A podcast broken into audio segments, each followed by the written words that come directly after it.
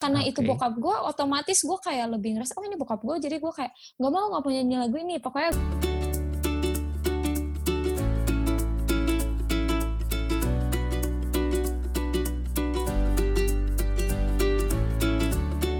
Halo semuanya, selamat datang kembali di podcast Kerikil Seperempat Abad bareng gua Rafael. Dan seperti biasa kita bakal ngomongin persoalan yang sering dihadapi oleh milenial masa kini.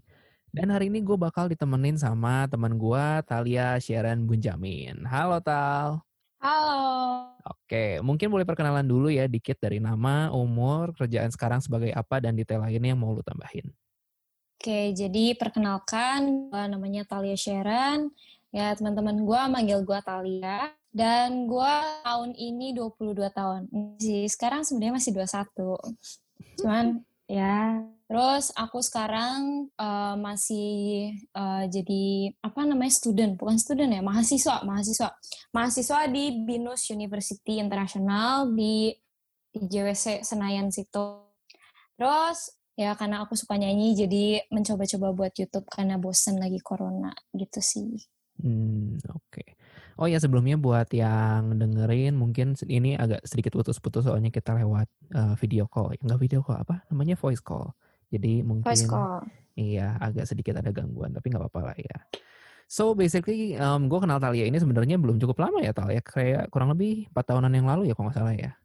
Ya nggak baru-baru Ya, juga ya sebenarnya. Iya ya. sekitar sekitar sih. So, um, by the way, gue kan emang lagi pengen ngulik juga nih soal kondisi dan perkembangan industri kreatif di Indonesia. Dan selain keragaman bidang yang ada di industri kreatif, sebenarnya um, latar belakang orang-orang yang ada di industri kreatif ini sebenarnya cukup beragam juga ya kalau dipikir-pikir. Dan emang apa ya, kalau misalnya kita lihat ya tuh ada yang emang passion dari diri sendiri gitu ya, yang jadi tadinya emang nggak dari lingkungan kreatif, tapi akhirnya kecemplung juga di industri kreatif karena hobi atau dari temen dan sebagainya.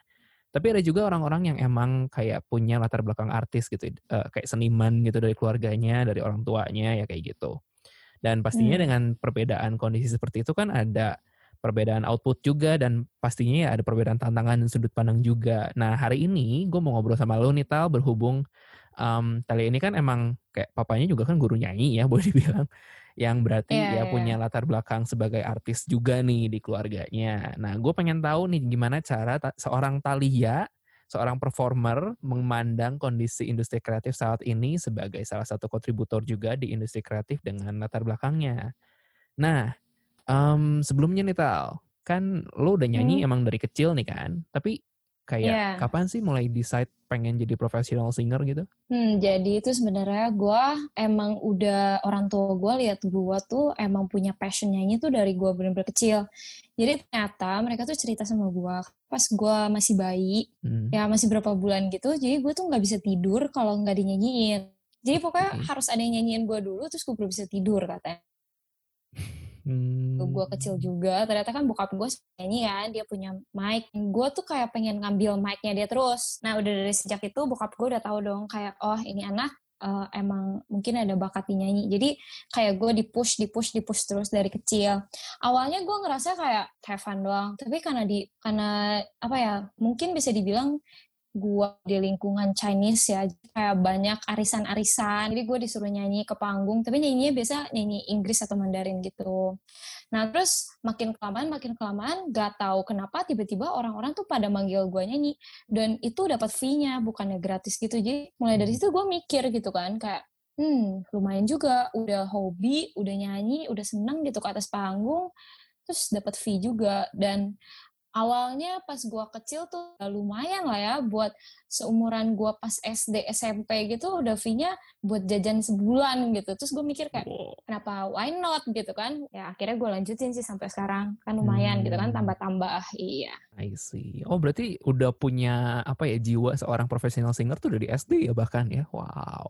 Itu itu gara-gara bokap gue sih. Terus kan di sekolah juga gara-gara kan misalnya ada ada event apa event apa pasti gue yang disuruh nyanyi. Apa ya lingkungannya sudah memaksa untuk nyanyi di atas panggung kayak gitu lah. Oh, berarti emang kayak maksudnya emang dari keluarga juga ada kayak dorongan gitu ya buat eh, Iya, kayak iya, mendorong benar. lu sebagai menjadi penyanyi juga. Nah, um, berhubung kan bokap juga kan sebenarnya punya uh, sekolah pelatihan suara ya, dan sebagai anaknya nih ada nggak sih kayak ekspektasi tertentu yang harus lu penuhi nih sebenarnya dari karir lu sebagai seorang penyanyi kan tadi emang dari keluarga juga kan ada dorongan kan, tapi ada nggak kayak hmm. kayak target lu harus jadi penyanyi yang sekelas apa gitu atau gimana? Kalau mau ngomong gitu sih, gue pengennya targetnya ya jadi international artis nggak sih? Oh, Oke. Okay. Kayaknya gitu. Cuman nah. ya makanya gue gue sekarang mikir kan kayak uh, zaman sekarang tuh bisa dibilang TV itu udah rada susah buat apa ya?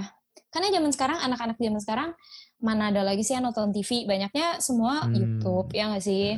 Pokoknya mereka udah nggak nonton TV tapi pakai HP, pakai apa smartphone mereka kan. Mm-hmm. Dan gue ngeliat gitu sekarang kayak lu mau terkenal di seluruh dunia tuh bisa sebenarnya lu bisa sendiri kalau misalnya TV kan lu harus ada orang TV yang iniin terus lu harus ikut audisi ini terus segala macam kan dan itu juga rada susah ya gue ngeliat sekarang ya YouTube ya dan gue targetnya sekarang ya kalau bisa ya bisa apa ya dikenal sama seluruh dunia lah hmm. jadi kayak ya gitulah Nah, oke. Okay. Nah, ada nggak langkah-langkah yang udah kan itu berarti kan kayak impian lu ya, boleh dibilang ya? Ya. Yeah. Ada nggak langkah-langkah yang udah lu mulai gitu buat nyampe Untuk, ke impian lu itu?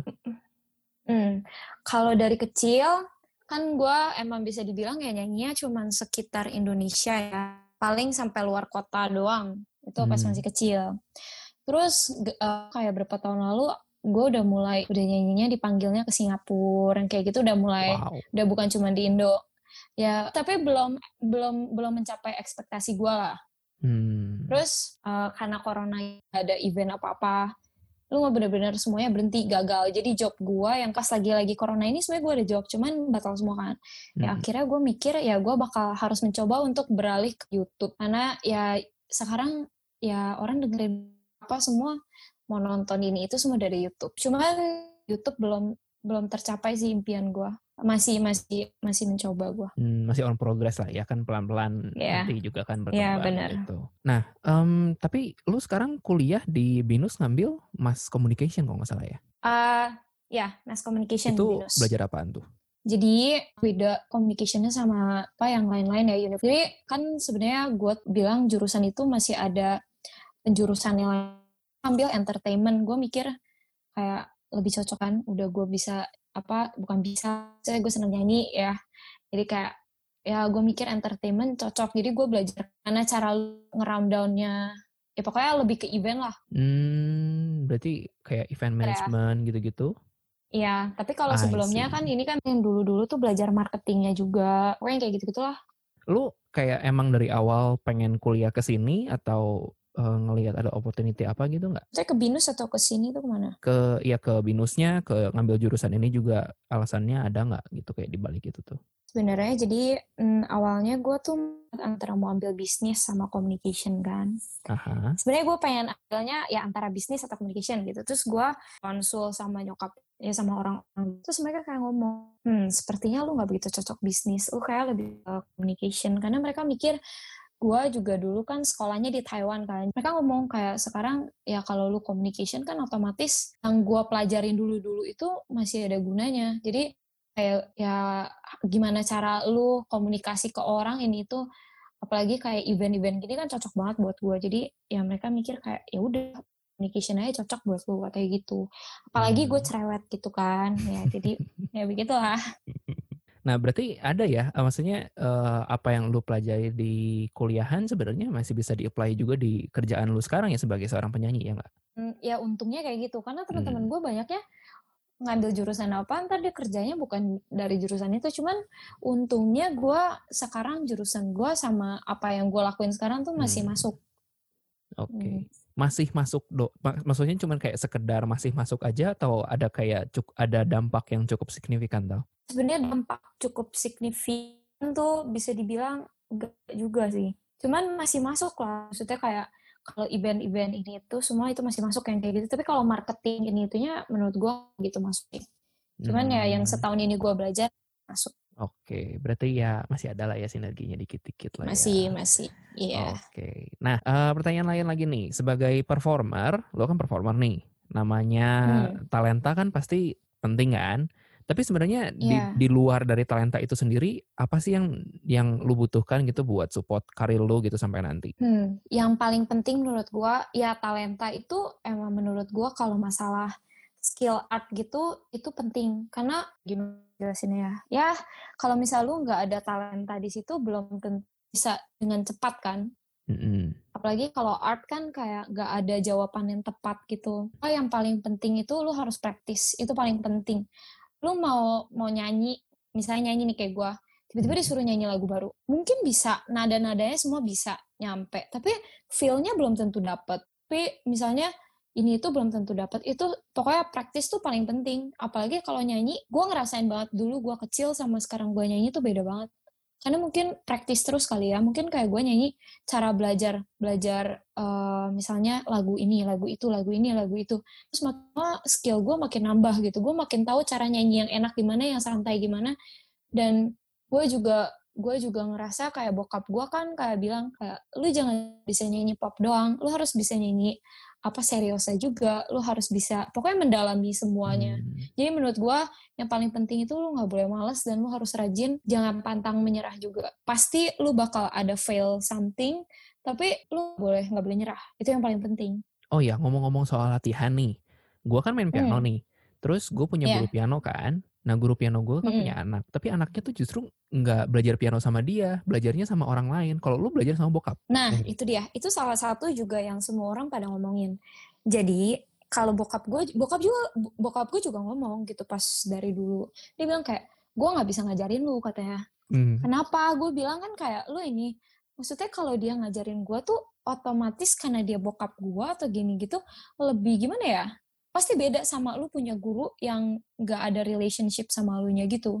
Oh, bedanya gimana tuh? gimana ya? Jadi pas gua kecil kan gua kecil gimana ya disuruh nyanyi lagu ini. Kan mereka yang kayak bokap gue yang bilang ini kayak lagu cocok buat lo sedangkan belum tentu gue suka kan. Karena itu Oke. bokap gue otomatis gue kayak lebih ngerasa oh ini bokap gue jadi gue kayak nggak mau nggak mau nyanyi lagu ini. Pokoknya gue lebih kita ngerasa apa ya Oh, lebih santai gitu. Jadi mau kayak gimana juga majunya lebih susah. Tapi gue Hmm. ngerasa sekarang kalau gue udah rada gedean ya kalau udah rada gedean kayak gini justru apa latihan sama bokap tuh lebih enak karena lebih lebih ngerti kalau udah rada gede ya tapi kalau masih kecil Hmm. biasanya rada susah kayak gitu sih iya, gua menarik rasain. ya sebenarnya. Ya mungkin sih, maksudnya kan Hmm. kalau udah gede kan emang lebih ngerti juga, lebih dewasa juga dan lebih bisa Iya, um, profesional juga kali ya. iya benar kan Oh. kecil otomatis lu ngira kayak ah ini bokap gua santai aja. Lu nggak takut Hmm. kan? Jadi kesannya kayak ah bokap ya santai lah santai gitu kan. Mhm. Ya sedangkan akhirnya waktu itu gue sempet juga latihan bukan sama bokap gua, dia suruh gua ngeles sama orang lain juga gitu buat vokal. Masih di sekolah Akhirnya ini bokap lu juga atau bukan? Beda lagi?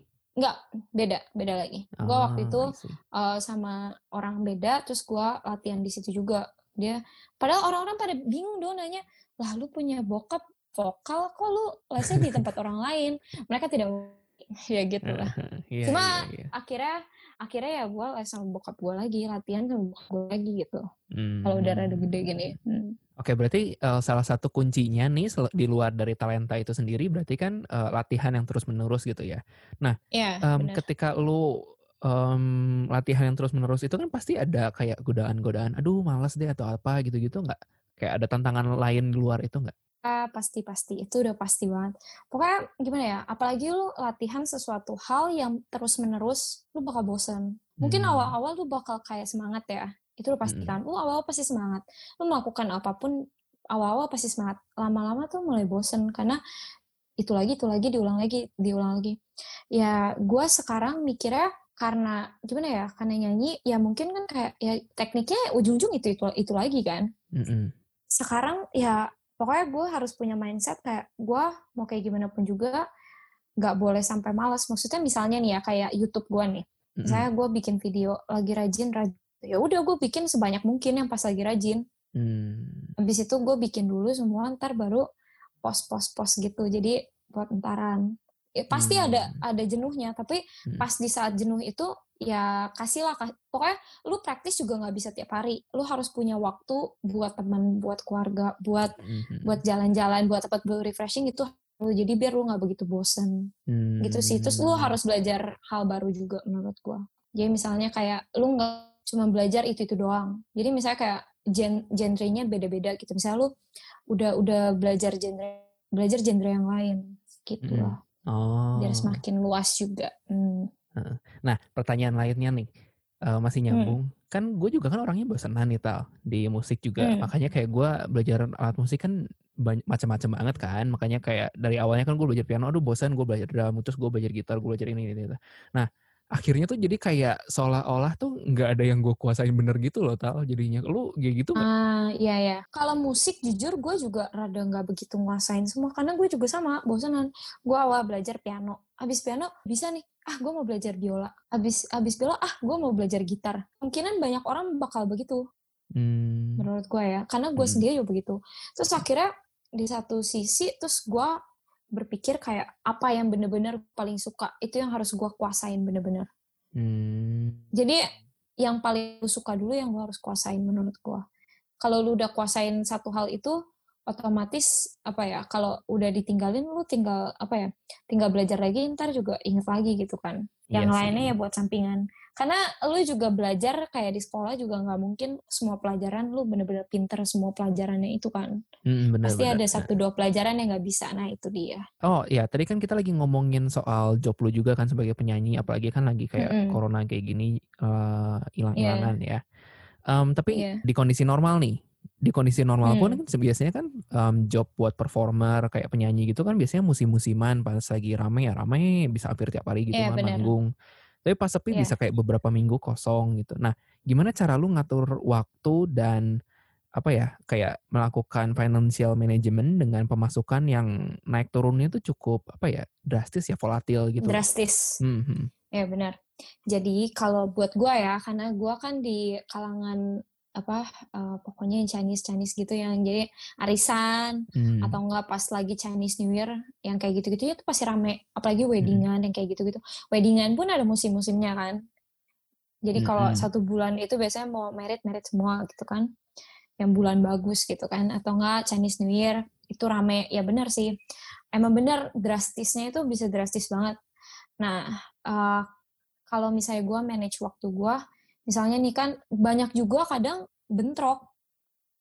Jadi gimana ya misalnya gue udah ada jadwal nih eh tampil misalnya di sini tapi ada ada ada lagi orang yang minta tampil di sini lagi. Ya gue harus pilih yang pertama dulu yang udah pertama gue okein itu yang pertama. Mm-mm. terus yang kedua gue mencoba untuk semampunya gue sih sebenarnya. Kalau misalnya gue udah kecapean ini tuh gue otomatis gue nggak bakal terima karena gue juga masih punya uh, butuh waktu buat keluarga gue ya gitulah sama teman Hmm. Terus apalagi ya? Dan kebiasaan sih event tuh biasanya malam.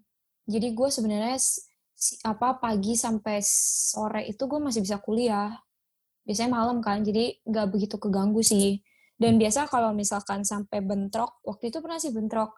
Misalnya kayak hmm, apa? Gue harus nyanyi, gue harus nyanyi itu sekitar gue harus standby sek- sekitar jam 5. Sedangkan gue sampai jam 5 tuh masih ada kelas gue Hmm. otomatis gue bakal apa gue mencoba untuk mengatur kan gue ada absen kan di kuliah Hmm. Jadi ada titip absen.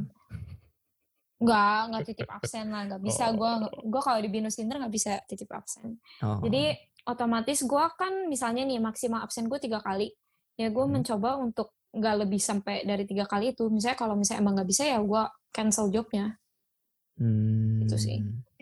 Terus kalau financial, ya otomatis misalnya lagi lagi rame, gue nggak bakal hambur-hamburin duit bener-bener semuanya gitu, nggak. Gue bener-bener bakal simpen aja. Jadi kayak ya kayak biasa aja. Jadi misalnya kalau misalnya lagi sepi pun gue masih ada simpenan duit gitu kan. I see. Hmm. Jadi sebenarnya hari ini gue mau kenalin Talia aja sih sebagai co-host dan tadi udah dengerin juga kan beberapa pengalaman Talia. Em, sebenarnya nggak co-host juga ya. Intinya sih ya temen ngobrol gue aja sih selama 4 episode ke depan termasuk episode minggu ini. Jadi seperti yang udah kalian dengerin, Talia ini adalah seorang singer dan gue adalah manusia yang mau ngepoin kehidupannya. Talia ini biasanya sering ngadain online concert juga loh, melalui sebuah platform yang bernama Sessions. Nanti linknya bakal gua taruh di description episode ini, termasuk juga link Instagramnya, at Talia Sharon, at T H A L I A S H A R O N. Siapa tahu di antara kalian ada juga yang mau ngepoin Talia. Uh, dan jangan lupa juga kalau gue juga ada buku yang berjudul Subjugation yang udah dipublish sebenarnya di Kindle tapi sayangnya belum bisa officially diakses pakai account Indonesia. Tapi coba cek aja dulu sih, siapa tahu sekarang udah bisa. Um, sebagai gantinya, gue juga lagi iseng-iseng nih nulis show story. Buat kalian yang penasaran dengan gaya bercerita gue mungkin bisa dicek juga. Dan semua linknya bakal gue taruh di description box um, episode ini juga. Dan jangan lupa juga buat cek Instagram author um, account gue di at @oakraven at a u g r a v i n. So, thank you banget nih buat kalian semua yang udah dengerin. Sampai bertemu di cerita kerikil berikutnya. Dadah!